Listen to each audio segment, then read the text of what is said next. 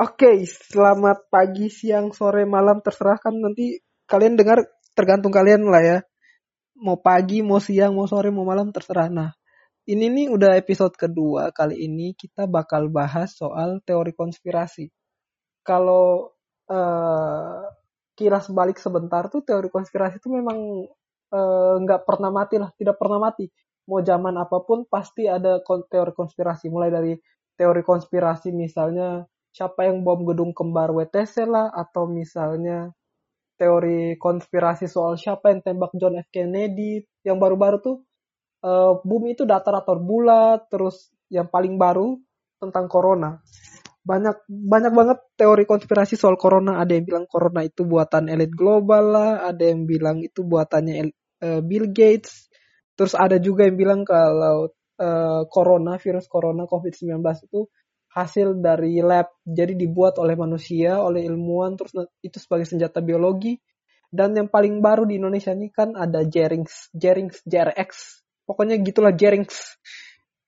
Yang bilang kalau itu kalau corona tuh konspirasi doang. Terus yang paling baru lagi ada Indira Kalista. Katanya tuh corona tuh bohong-bohongan. Nah seperti yang sudah tadi saya bilang kalau kenapa sih teori konspirasi itu tidak pernah mati. Nah, untuk bisa menjawab hal itu, kali ini podcast malam minggu asik akan mengundang teman lama, teman lama yang seorang debaters. Dia tuh seorang yang suka debat. Mau hal apa pun didebatin. Kayak susah sih berteman sama dia tuh membutuhkan kesabaran ekstra. Karena semuanya didebat. Nah, namanya Sonia. Halo Sonia. Hai, Halo. selamat pagi, siang, sore, malam, subuh. oh, Sonia udah berapa lama sih uh, debat? Eh, tapi uh, eh, bisakah uh, saya memperkenalkan diri saya sedikit? Like, oh, ya um, nanti langsung aja, langsung ngalir aja. Okay. Sudah berapa lama debat? Perkenalkan diri oh, semua semua. Okay. Okay. Oh, jadi integrated nih. Iya. Oke. Okay. Oke. Okay. Asik. Mau pakai bahasa Iya, oke. Okay. Tapi kebanyakan uh, sebenarnya kalau misalkan di luar dipanggil Sonia, kalau di uh, ya kalau lingkaran terdekat dipanggil Sonia, tapi sekarang di lingkungan kerja dipanggil Sisil. Oke. Okay. Asik. Oh, udah, oh udah kerja ya, udah kerja ya. Okay. Iya, kebetulan sudah kerja, puji Tuhan. Uh, sudah berapa lama debat? Sudah sudah berapa lama ikut debat ya? Mm-hmm. Sebenarnya cemplung di dunia debat itu kebetulan saja dan akhirnya karena kebetulan itu jadi tidak bisa keluar lagi dari SMA kelas 1 kayaknya. Kita SMA kelas 1 tahun berapa sih? Tahun segitulah. 2013. Sekitaran... 2013. Kita eh 2000, 2013 kita. Eh 2012. 2012 sorry. Iya, dari 2012 berarti wah sudah 8 tahun ya. Iya memang karena setelah uh, ya lanjut setelah kuliah ini uh, vakum lomba sih sampai kemarin setelah sampai sekarang sudah setahun kayaknya vakum Oh iya sih memang orang-orang tuh bilang kalau sekali udah sekali debat tuh pasti akan keterusan gitu ketagihan katanya. Kan kamu juga merasakan itu kan kamu juga anak debat. uh, ini ini podcast kali ini tidak lagi membahas pengalaman pribadi debat saya. Oh iya baik. Jadi uh, kata orang sih teori konspirasi itu ada hubungannya sama logika. Maksudnya orang yang cenderung tidak punya logika itu mungkin lebih cenderung percaya teori konspirasi. Kalau menurut Sonia itu gimana sih? Ada nggak sih hubungan antara debat dan logika gitu? Kalau debat sama logika jelas ada hubungan dong. Kayak gimana tuh hubungannya? Hubungannya baik-baik uh, aja? Gimana? Belum berakhir jelas ada hubungan lah kalau misalkan uh, ketika kita berdebat logika kita kan harus benar-benar dipakai hmm. bukan intuisi atau perasaan kita karena hmm. kalau misalkan pakai intuisi atau perasaan ya berarti akan sangat susah ketika kita ditempatkan di mosi-mosi atau judul perdebatan yang tidak sesuai dengan perasaan atau value hidup kita sih. Jadi kalau terlalu personal kayaknya tidak bisa. Tapi kan kalau debat memang harus logiknya benar-benar hmm. harus dipakai, harus bisa untuk melihat segala sesuatu dari uh, secara uh, critical harus bisa menganalisa sesuatu secara logis jalan logikanya seperti apa dan pada akhirnya mungkin uh, bisa mendapatkan uh, pandangan-pandangan baru yang membuat kita ya walaupun itu tidak sesuai dengan value hidup kita tapi at least kita punya pandangan baru yang sebenarnya hmm, jadi bekal yeah. baik untuk hidup kita mungkin dalam berteman jadi lebih gampang untuk kita uh, menerima pendapat orang lain tidak gampang untuk hmm. menjadi orang yang judgmental iya yeah, iya yeah, iya yeah, berarti uh, ada hubungannya karena dalam logika tuh jadi lebih kur jadi bisa lebih kritis melihat segala sesuatu dari berbagai sisi ya. Itu mungkin yang iya. tidak dimiliki orang-orang yang suka teori konspirasi atau gimana sih? Tapi gini, uh? tidak bisa dipungkiri kalau misalkan orang-orang yang mengeluarkan isu-isu atau percaya dengan teori konspirasi sebenarnya mereka banyak juga yang hmm logikanya justru menurut saya kelewat jalan. Maksudnya gimana tuh? Logikanya terlalu logis sampai sudah tidak bisa membedakan antara ini logika saya atau sebenarnya ini halunya saya nih. Oh iya, ketidakmampuan dia untuk membedakan mana yang khayalan dan mana yang realita. Iya nggak sih? Apa gimana?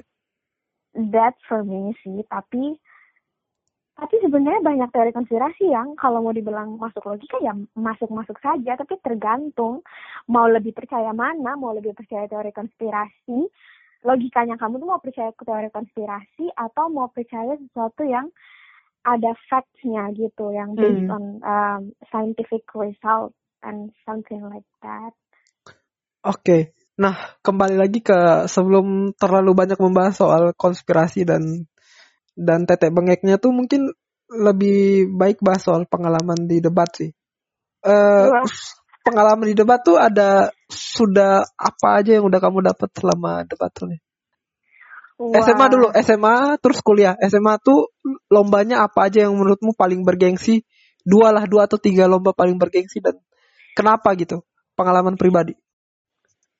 SMA kayaknya cuma satu deh lomba bergengsi. Mm um, I joined karena karena karena memang itu adalah lomba tertinggi uh, okay. tertinggi di Indonesia di Indonesia oh iya iya uh, national di National Schools Debating Championship oh iya in Aceh 2014 Oke okay, oke. Okay. Ada ada tidak pengalaman selama debat yang paling berkesan?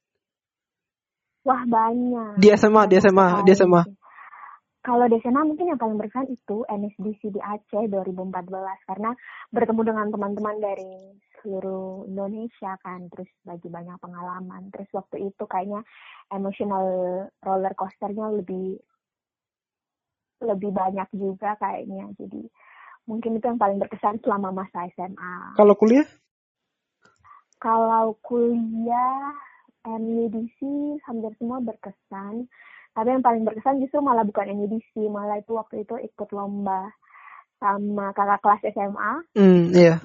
di Mataram itu yang paling berkesan kenapa 2018 iya iya iya iya ya. soalnya ingat, ingat, ingat. lomba waktu itu benar-benar menurut saya perjalanan spiritual wadaw waktu itu kan uh, sedikit flashback ya. 2018 kemarin itu waktu itu kebetulan uh, saya lagi semester 7 uh, karena saya mengambil FKIP bahasa Inggris pendidikan. Hmm. Jadi semester 7 adalah saat untuk kami praktek mengajar, yeah, uh, yeah, praktek yeah. pengalaman lapangan PPL. Waktu itu saya dapat di adalah sekolah salah, salah satu sekolah swasta di Kupang dan pada saat itu menurut saya tekanannya lumayan banyak uh, dari kampus yang harus menyelesaikan laporan PPL, hmm. dari sekolah yang harus yeah, iya. menyelesaikan yeah. beban mengajar. Akhirnya waktu itu ditawari, kebetulan ada lomba di Mataram uh, oleh Universitas Mataram yang dis diselenggarakan oleh mereka. Terus uh, ada kakak kelas, mantan kakak kelas SMA, dia juga sudah kerja di salah satu uh, tempat kursus yang sangat terkenal di Kupang ini. Terus waktu itu dia tawa, dia menawarkan uh, sil uh, turun lomba yuk karena gabut dan waktu itu akhirnya saya memutuskan oke okay, ayo uh, Jadi saya izin di tengah-tengah PPL saya, izin di kampus, hmm, izin Waduh. di sekolah. Dan waktu itu seingat saya bertepatan dengan Lion Air baru selesai kecelakaan. Aduh. Jadi orang tua benar-benar parno untuk membiarkan anak perempuannya yang pertama harus naik pesawat. Oh iya sih. Dan waktu itu bulan November atau Desember dan lagi musim hujan, cuaca lagi tidak beres-beresnya, tapi ya berbekal segala keinginan dan niat demi melarikan diri dari rutinitas yang membosankan. Dan kayaknya pelarian terbaik adalah debat. Ya sudah akhirnya modal nekat nih waktu itu untuk ikut lomba di Mataram. But the result was so good. Yeah Jadi, I know. yeah the result was so good. It was like a very like the greatest gambling in my life yang resultnya sekeren itu like, dan wow. it was your it was your peak of cool. Like it was your coolest moment I guess. Asik. Uh, kayaknya sih lu paling cool di situ sih. Iya gak sih? Masa? Kayaknya yang lain apa sih? Jahat. Oke okay. uh, kembali ke ini ya. Ada tidak sih pas lagi debat yang menurutmu lawan yang menurutmu paling tidak logis gitu? Ada nggak sih sebenarnya yang argumen-argumennya aduh kayaknya tidak logis sekali ya sebenarnya kan ketika berdebat hmm? oh biasanya kalau sudah lomba-lomba yang sampai nasional biasanya semua debater akan datang dengan argumen yang sangat-sangat make sense hmm. yang sangat-sangat logikanya sangat bagus sih jadi uh, pengalaman untuk mendapat lawan yang tidak berlogika sama sekali kayaknya me, seingat saya kayaknya tidak pernah deh. Kayaknya Kalau, semuanya hmm. sudah datang dengan bekal masing-masing. Uh, apa siapa lawan yang menurutmu paling logis dan paling susah dikalahkan gitu? Wah banyak.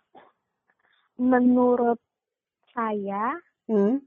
uh, pada akhirnya debat itu bukan tentang susah atau tidaknya seseorang itu dilawan. Hmm, tapi? Tapi tentang susah atau tidaknya kamu berperang dengan diri kamu sendiri. Maksudnya gimana? Dan bagaimana?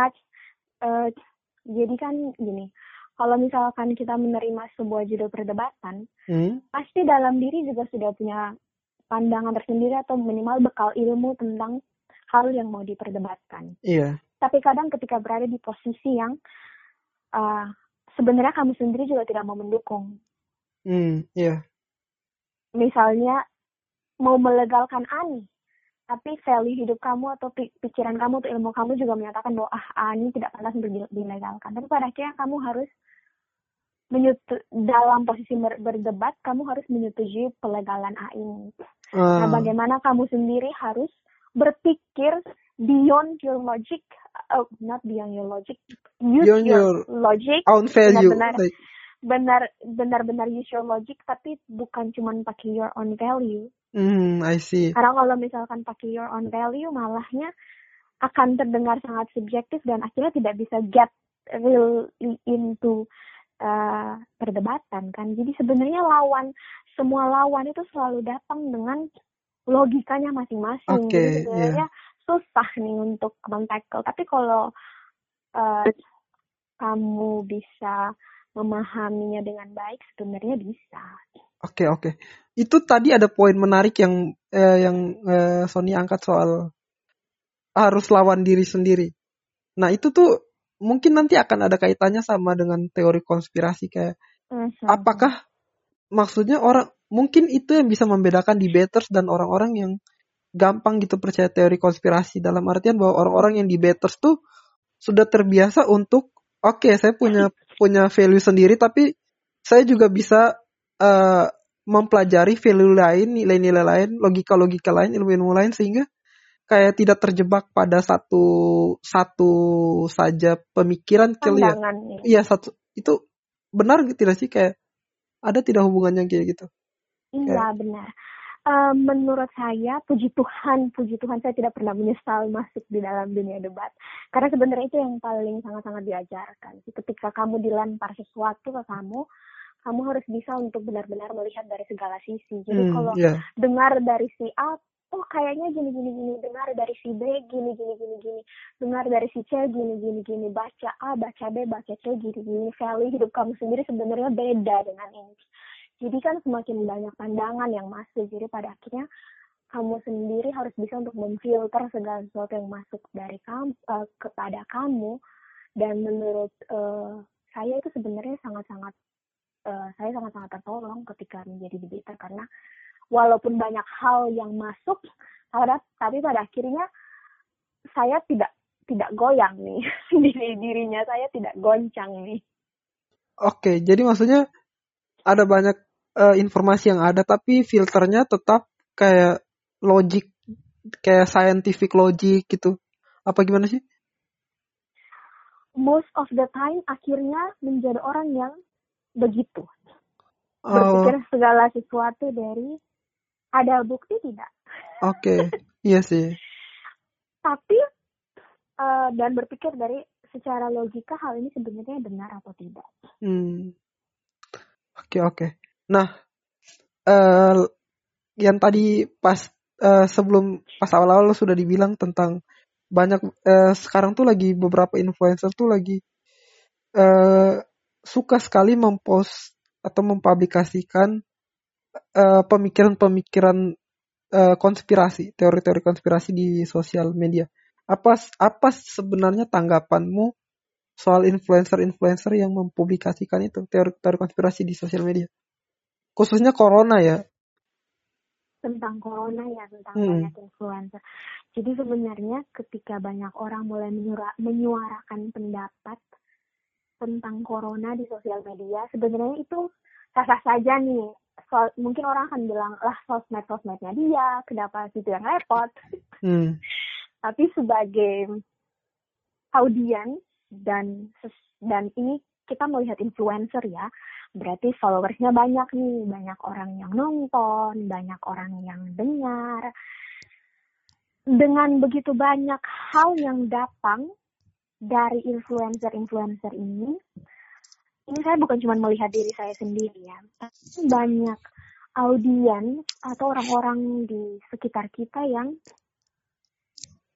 menurut bisa kita lihat sih kalau misalkan susah untuk hmm. bisa membedakan sebenarnya ini adalah hal yang benar atau hanya sebatas hoax. Mm Nah ini sebenarnya yang menurut saya agak susah karena ketika menjadi influencer dan hanya hanya mau sebatas ceplos-ceplos tanpa uh, berpikir dampak selanjutnya dari ceplos-ceplos itu dari ceplos-ceplosnya saya itu akan seperti apa atau misalnya ceplos-ceplos dengan isinya angin doang hmm. dan pada akhirnya membawa dampak yang tidak baik terhadap society menurut saya itu itu sangat fatal sih. Oh, berarti berarti lebih cenderung untuk kalau sudah sebagai influencer berarti lebih harus lebih bijak dalam artian kayak filter dulu apa yang harus dipublikasikan atau gimana sih? Benar. Oke. Okay. Kalau begitu kayaknya langsung langsung aja sih. Jadi tadi tuh rencananya gini pengen debatin satu satu hal khususnya tentang ini tentang influencer yang memposting uh, teori konspirasi di sosial media berkaitan dengan virus corona. Gimana kalau kita jangan, huh? jangan debat lah orang dengarnya malah kayak, kok. jadi debat aja kayak misalnya kamu dukung aku nggak dukung bahas, gitu. Bahas santuy deh. Oke oke. Oke oke. Sip sip. Kayak debat debat warung kopi lah. Asik. Debat, debat warung, debat warung kopi. Jadi jadi tadi kamu eh, Sonia kan bilang ada mosinya. Nah, mosinya adalah jadi pokoknya pemerintah akan melarang ke ya negara harus melarang influencer yang dengan tanpa latar belakang uh, medis untuk mempublikasikan konten yang berkaitan dengan opini uh, virus corona di sosial media. Jadi okay. ya mosinya negara melarang influencer yang tidak memiliki background medis untuk posting-posting opini mengenai virus corona di sosial media. Oke. Okay. Sony mau dukung atau mau uh, mau pro atau mau kontra? Pro deh, pro. Pro berarti Sonia melarang. Coba pro ya, coba pro. Berarti ya, berarti berarti Sonia melarang influencer ya untuk publikasikan. Okay. Uh, kenapa sampai setuju untuk melarang influencer tanpa background medis?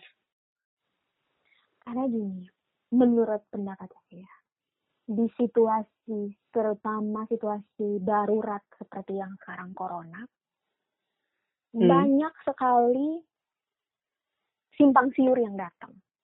Hmm. Bahkan teori yang jelas pun kita semua bahkan masih gamang.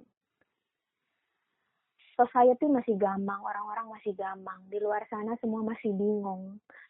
Mungkin menerima keadaan pun masih setengah-setengah.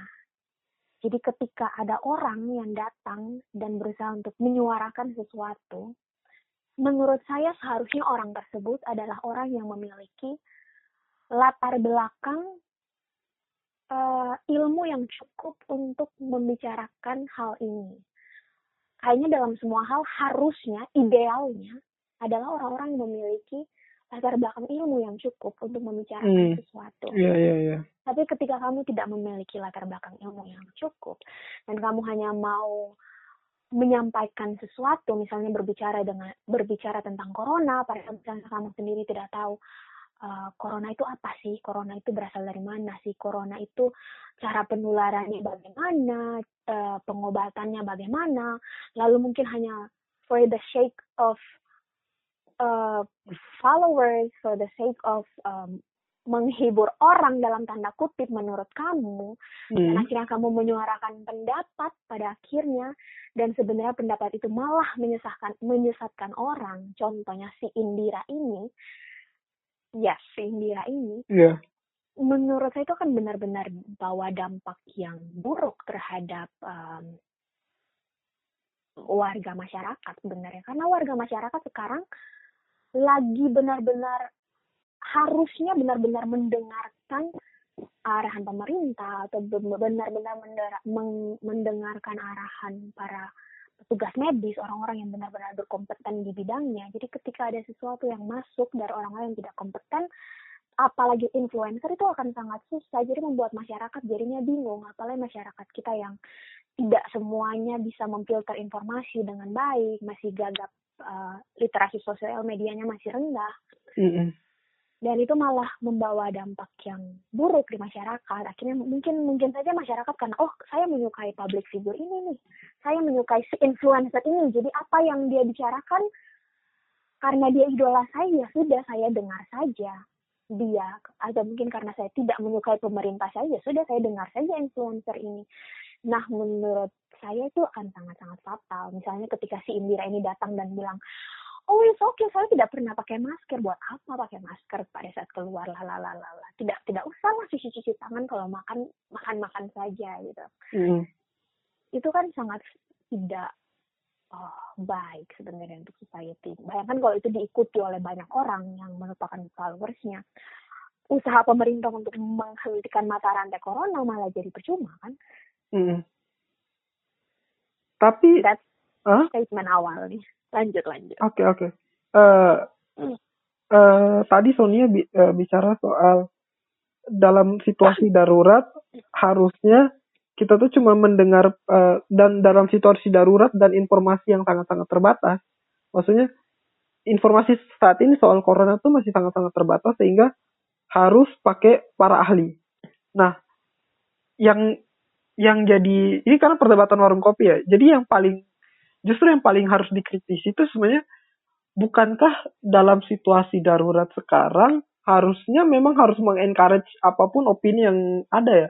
Maksudnya situasi darurat membutuhkan banyak banyak sekali informasi. Bahkan uh, informasi dari orang-orang yang tidak punya latar belakang medis. Karena kan maksudnya kayak misalnya saya atau siapa pun influencer-influencer kan kita punya kita bisa uh, kita bisa baca dari jurnal, baca dari informasi-informasi uh, pemerintah lainnya. Jadi yang paling disali sebenarnya kenapa cuman uh, background medis. Nah, uh, apa dan karena bahkan medis pun tuh juga bahkan belum belum paham belum paham jelas soal corona ini. Jadi harusnya society itu juga di encourage untuk beropini, beropini dan kenapa harus influencer? Kenapa maksudnya tidak orang semua orang aja kalau kenapa nanggung gitu harus influencer aja kayak itu sih jadi pertanyaan pertanyaan besarnya kayak kenapa harus influencer aja kenapa bukan orang-orang lain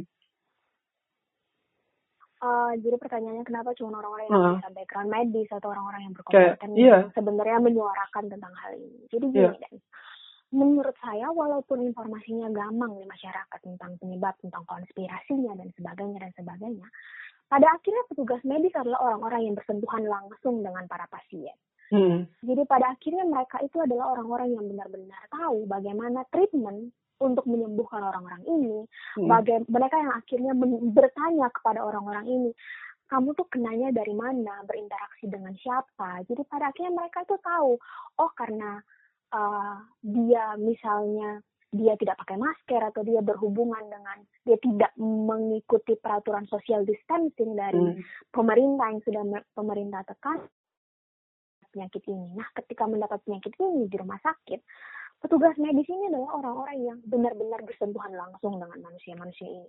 Mereka tahu dengan jelas, mm-hmm. misalnya apa yang mereka harus kenakan, bagaimana cara uh, mereka memba uh, merawat orang-orang ini sehingga mereka pun tidak terjangkit dan sebagainya.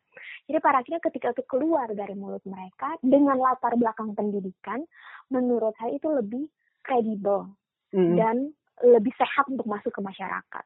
Hmm. Tapi ketika itu hanya keluar dari mulut influencer, well, tidak semua influencer begitu. Hmm. Tidak semua influencer pada akhirnya menjadi seperti si Indira ini. Hmm. Ada beberapa influencer yang akhirnya baik. Tapi sebenarnya influencer-influencer baik itu mereka juga menyampaikan sesuatu berdasar pada apa yang pemerintah anjurkan dan para medis anjurkan. Hmm. Jadi ketika ada influencer yang asal ceplos-ceplos itu menurut saya sangat-sangatlah bahaya dan sangat-sangat tidak bisa untuk sebenarnya dibiarkan.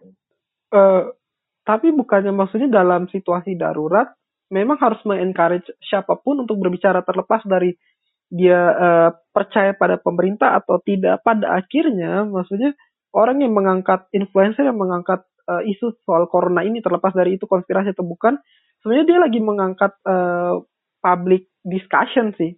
Jadi uh, poinnya adalah terlepas dari dia setuju atau tidak setuju dengan virus corona ini, maksudnya corona ini berbahaya atau tidak dan lain sebagainya, terlepas dari itu, si influencer ini berkontribusi untuk membangun uh, opini publik. Nah, nanti kita bisa lihat di situ mana yang benar dan mana yang tidak, harusnya teruji di situ. Kalau misalnya uh, kita percaya, misalnya kita per, misalnya saya orang percaya pada konspirasi, misalnya saya percaya pada konspirasi dan dalam artian justru uh, menjadi menjadi tidak relevan, menjadi gamang kalau pemerintah itu kayak tidak punya kantor apa ya, kantor opini uh, harus diuji, harus diuji maksudnya ini benar atau tidak itu harus diuji. Dan salah satu ujian yang paling bisa uh, uh, apa ya salah satu ujian yang paling bisa menyasar banyak orang adalah ujian public discussion. Diskusi publik diskusi publik itu memang harus ditingkatkan terlepas dari dia setuju atau tidak setuju. Itu memang harus ditingkatkan, eh, ditingkatkan. nah contohnya misalnya Indira ini. Si Indira Kalista terlepas dari dia percaya konspirasi tapi pada akhirnya apa yang Indira angkat ini mendorong orang-orang untuk lebih aware terhadap corona maksudnya aware apa ketika orang uh, lihat apa yang Indira bicarakan maka mereka akan langsung membicarakan apa juga yang Indira bicarakan di masyarakat Maksudnya itu bisa mendorong diskusi yang sehat terlepas dari dia percaya pemerintah atau tidak. Dan itu yang pertama. Yang kedua, argumen saya uh, cuman berputar pada dua hal tadi. Pertama, kalau memang pun betul corona itu uh, versi pemerintah yang benar, harusnya memang teruji. Dan salah satu ujian yang paling nyata tuh ya di diskusi publik. Dan yang kedua, uh, terlepas dari si Indira percaya atau tidak teori konspirasi, paling tidak si Indira ini lagi mendorong itu mendorong orang-orang untuk berbicara soal itu. Karena dia juga misalnya tidak mematikan kolom komentarnya dan lain sebagainya. Dan walaupun misalnya dia mematikan kolom komentar kan masih itu masih bisa di repost di Instagram, di Facebook dan itu mendorong orang untuk mendiskusikan hal tersebut. Jadi harusnya tidak boleh terbatas pada influencer yang punya background medis. Soalnya berapa banyak misalnya influencer yang punya background medis? Tidak banyak maksudnya YouTuber Instagram yang orang-orang misalnya eh, dokter-dokter di Instagram yang punya akun verified misalnya.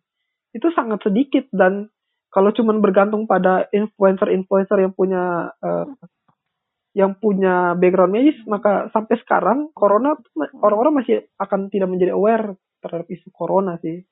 Itu yang paling penting sebenarnya dua hal tadi. Menurut Sonia gimana? Hmm, jadi gini kan, hmm? uh, menurut saya membangun opini publik itu memang sesuatu yang currently penting. Mm -hmm.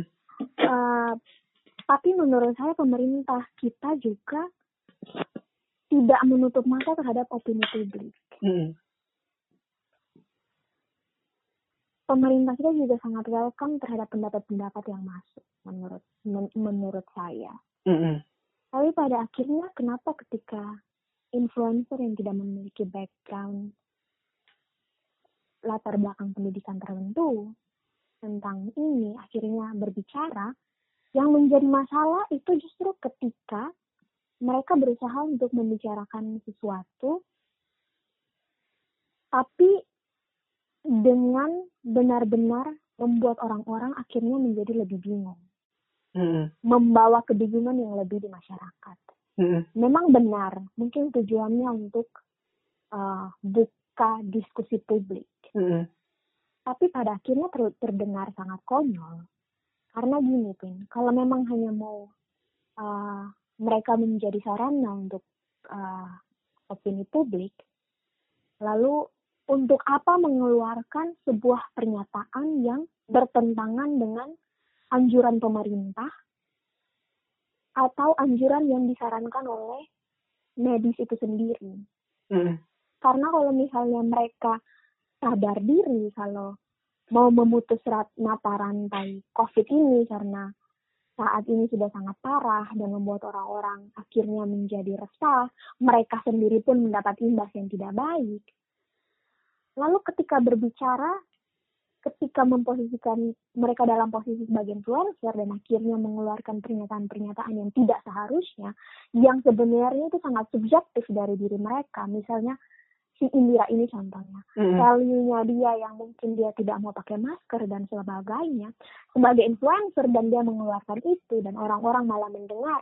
Padahal orang-orang sudah mendengar dari pemerintah bahwa oh ketika saya keluar ke mana-mana saya harus pakai masker nih, saya harus sering cuci tangan nih, harus bawa hand sanitizer nih, harus social distancing, antri harus sekian meter nih dari orang.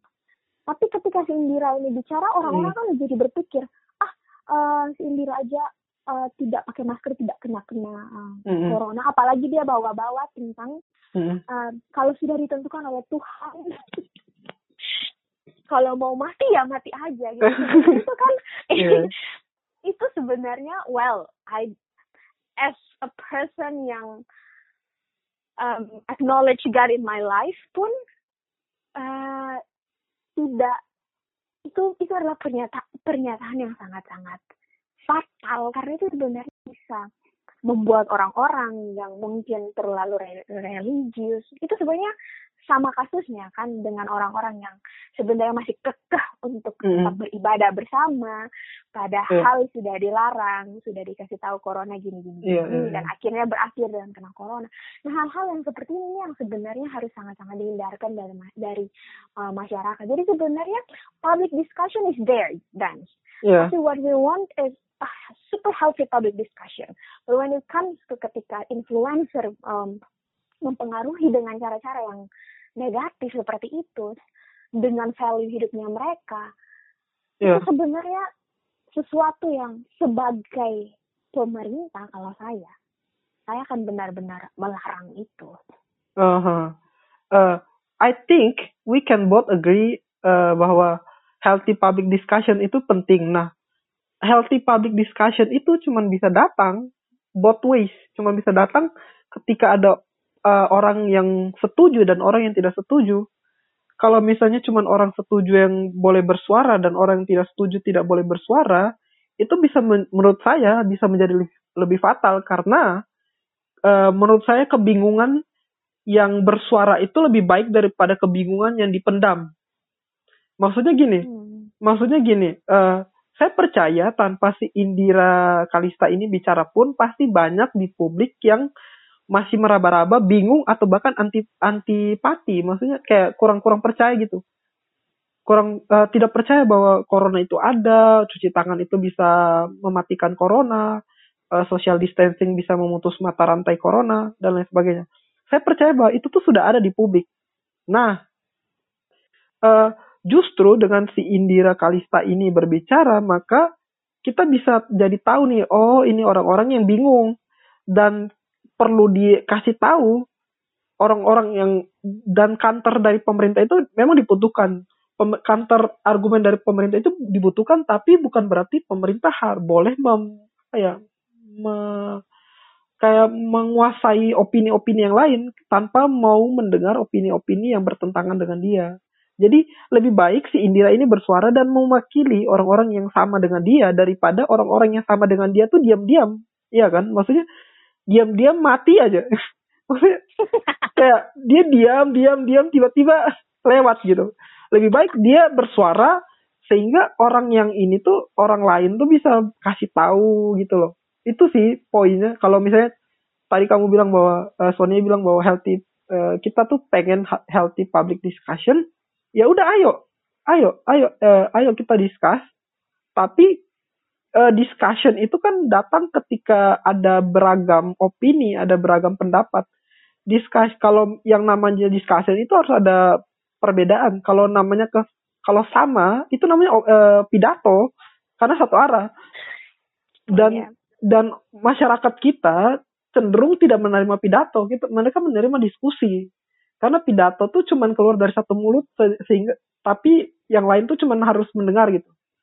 Sedangkan discussion itu harus ada mulut dan mulut dan telinga dan telinga. Jadi sama-sama saling berbicara dan sama-sama saling mendengar sih. Itu yang paling penting menurut saya kayak gitu. Jadi itulah kenapa maksudnya tidak apa-apa uh, influencer-influencer tanpa background medis untuk berbicara mengenai corona di sosial media. Karena at the end of the day itu akan menciptakan discussion kayak gitu. Menurutmu gimana? Jadi, jadi gini, Pin. Masalahnya gini. Uh, di situasi sekarang, di mm -hmm. status quo yang sekarang ini, mm -hmm perdebatan itu sudah ada. Okay. Seperti yang Dennis bilang.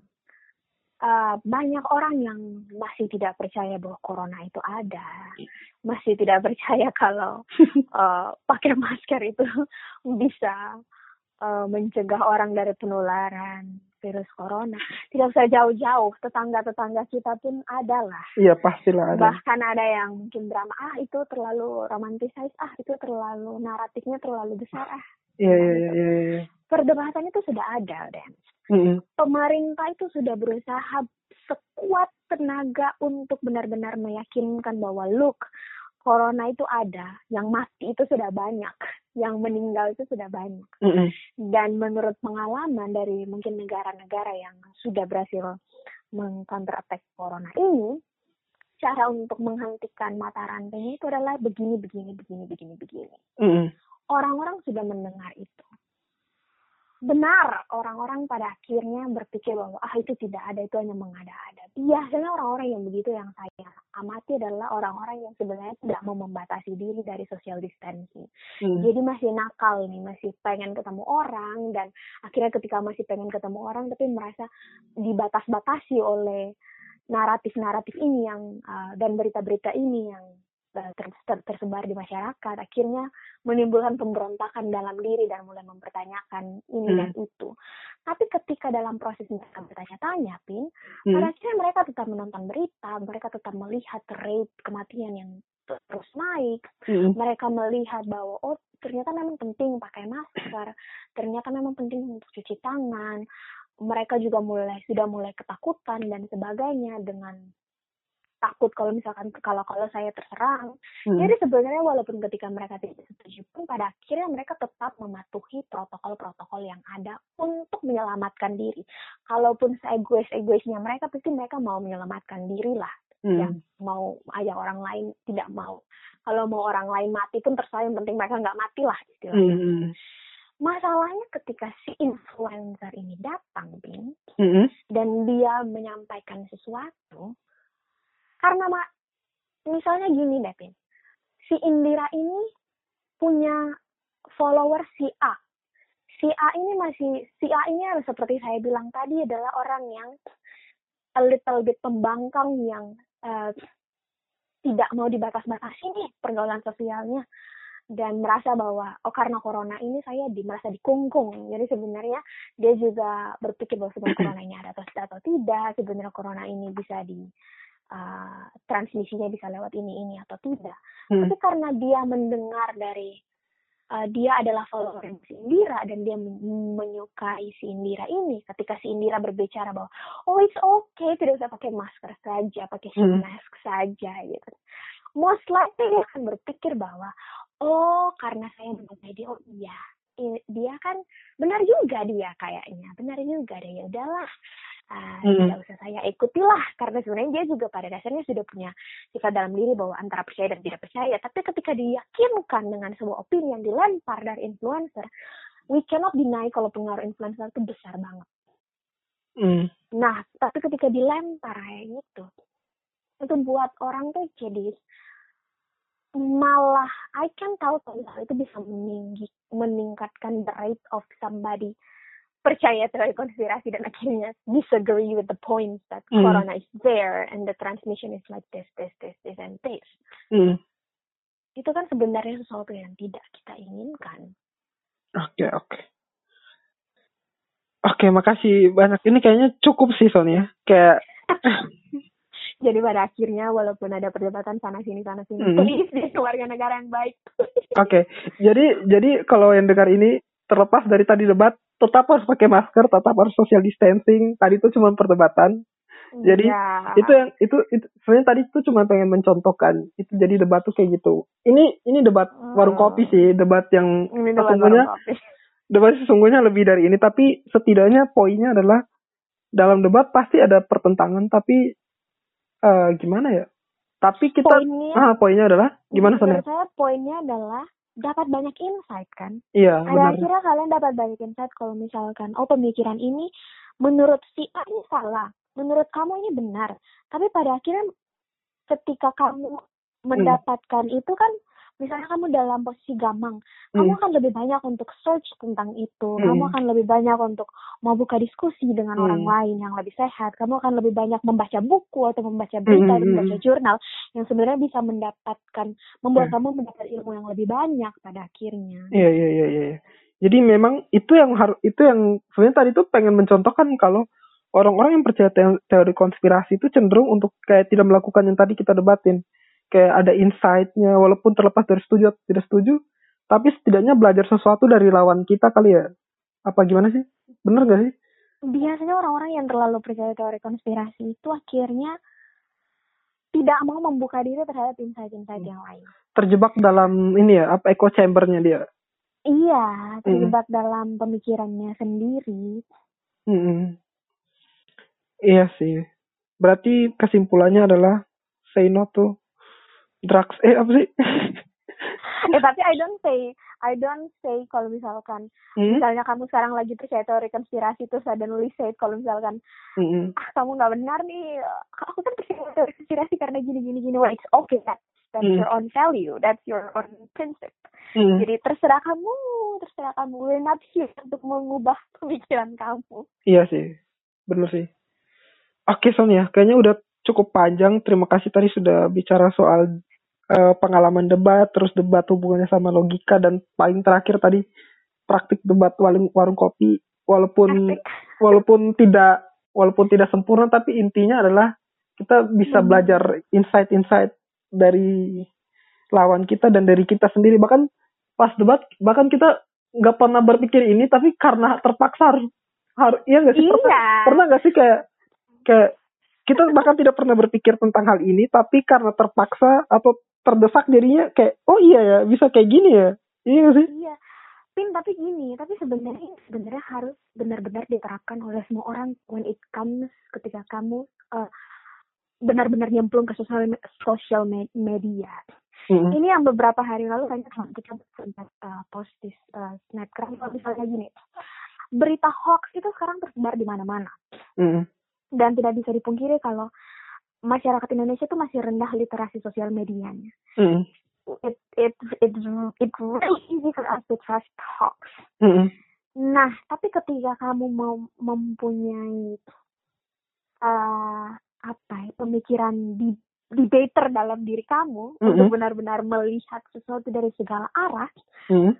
Kamu tidak akan segampang itu mempercayai berita-berita hoax. Yeah, yeah, yeah. Dan menurut saya ini sebenarnya hal-hal yang harus dibangun di uh, tengah masyarakat kita sih. Bukan saya mengajak semua orang jadi debater, no tapi basic pemikiran tuh harus ada jadi ketika kamu menerima sebuah informasi akan lebih baik kalau kamu filter dulu bacalah dengan lebih banyak hmm. uh, diskusilah dengan lebih banyak jangan isi telan mentah-mentah lah istilahnya iya iya iya iya, iya. dan coba untuk sebagai anak muda nih harus benar-benar menolong orang tua orang tua kita yang di sekitar kita yang mungkin lebih banyak percaya terhadap hoax dan sebagainya Hmm, iya. Semoga anak muda lebih banyak menolong sih Pin karena anak muda juga sekarang-sekarang saya lihat kok main sosial media bukan tambah pintar malah tambah ego yeah, malah yeah. percaya malah percaya percaya hoax saja coba deh lebih kritis deh hmm iya sih.